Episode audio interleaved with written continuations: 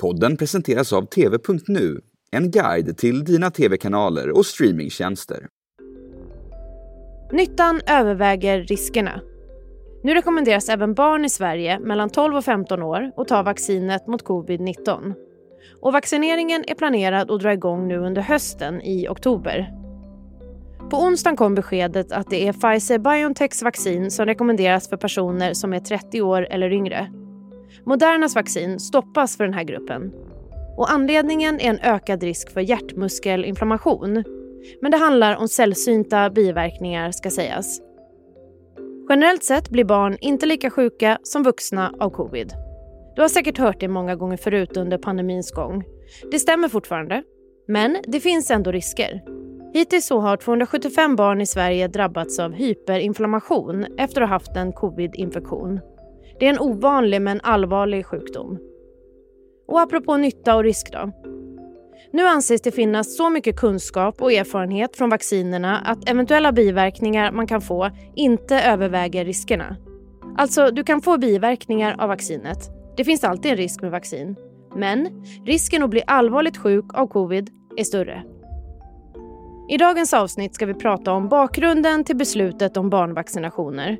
Vilket är syftet, varför just från 12 år och vad skiljer sig nu jämfört med svininfluensavaccinationerna för 12 år sedan?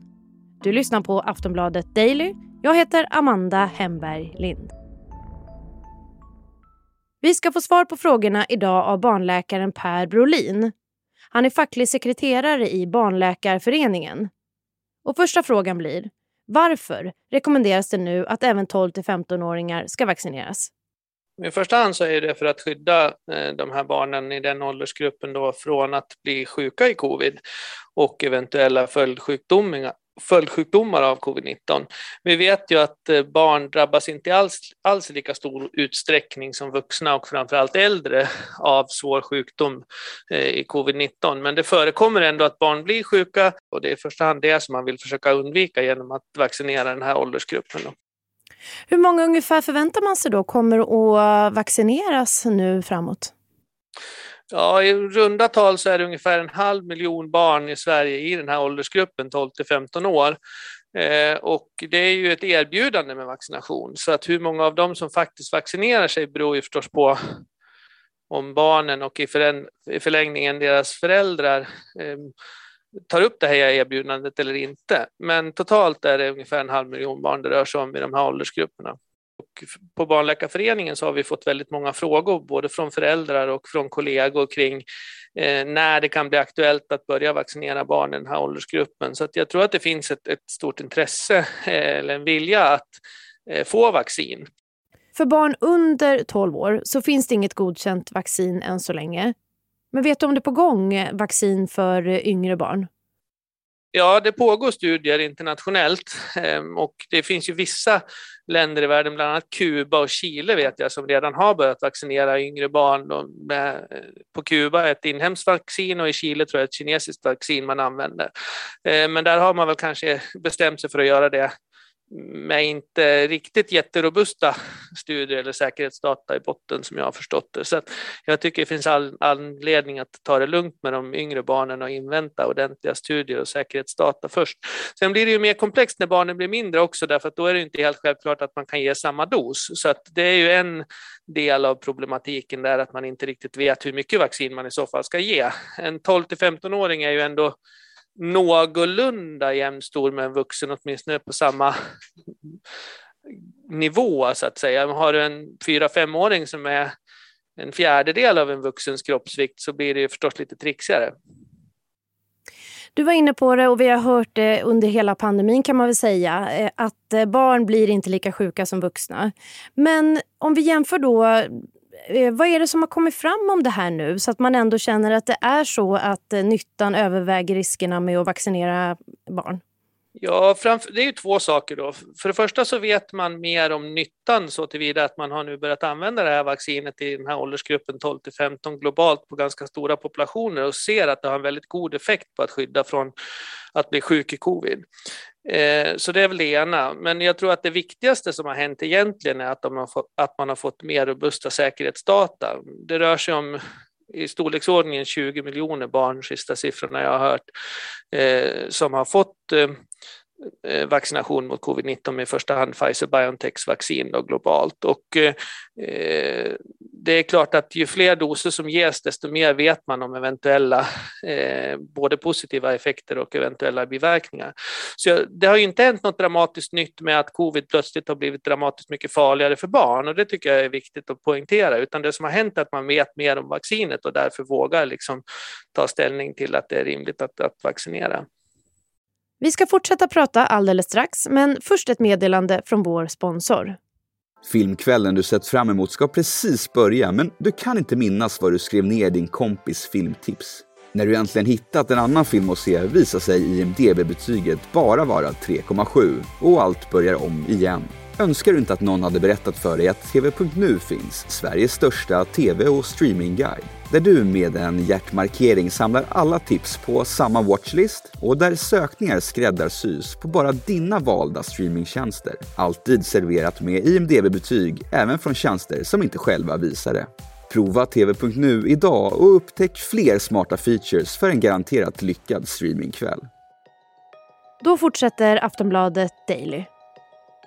Om man jämför med andra länder så kan Sverige ses som ganska försiktig med att ta ett beslut om när det finns tillräckligt med information om covidvaccinering av barn 12 år och uppåt. Danmark, Tyskland och Norge är exempel på länder som var före oss med beslutet när det var dags. Vad säger barnläkare Per Brolin om det här? Nej, men jag tänker att det har att göra med den här risk-nytta-balansen och eh, den ser ju annorlunda ut när det gäller barn. När det gäller vuxna så är det för de flesta ganska självklart att vi behöver vaccinera mot den här sjukdomen i och med att den drabbar vuxna på ett påtagligt sätt och framförallt då äldre. Eh, när det gäller barn så är det ju betydligt mer ovanligt att de blir svårt sjuka och därför måste man också vara mer säker på att vaccinet inte har några signifikanta eller allvarliga biverkningar, eller åtminstone så få sådana så att det ändå eh, nyttan överväger risken.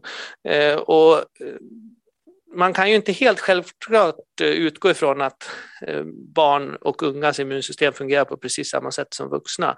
Eh, och därför finns det alla anledning att ta det lite försiktigt när man går ut med en sån här rekommendation.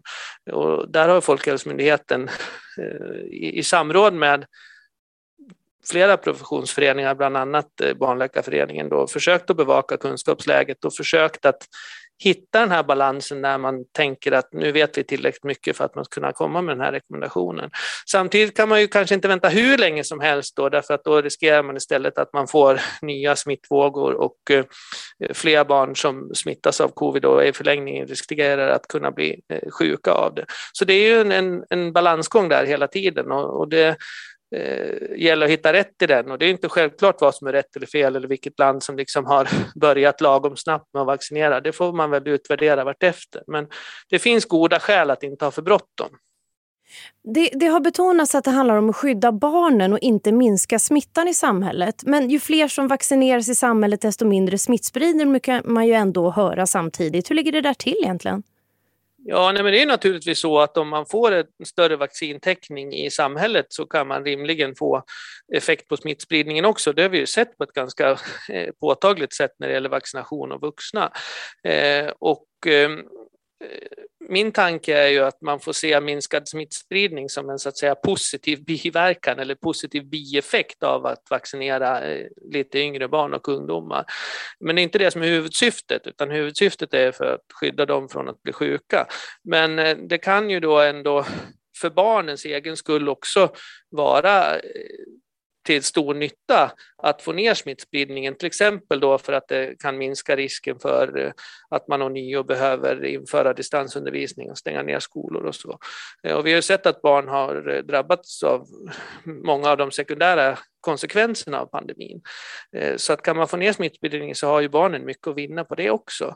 Men det som man har betonat från Folkhälsomyndighetens sida, som jag helt håller med om, det är att huvudsyftet i första hand ska vara för att skydda barnen från att bli sjuka.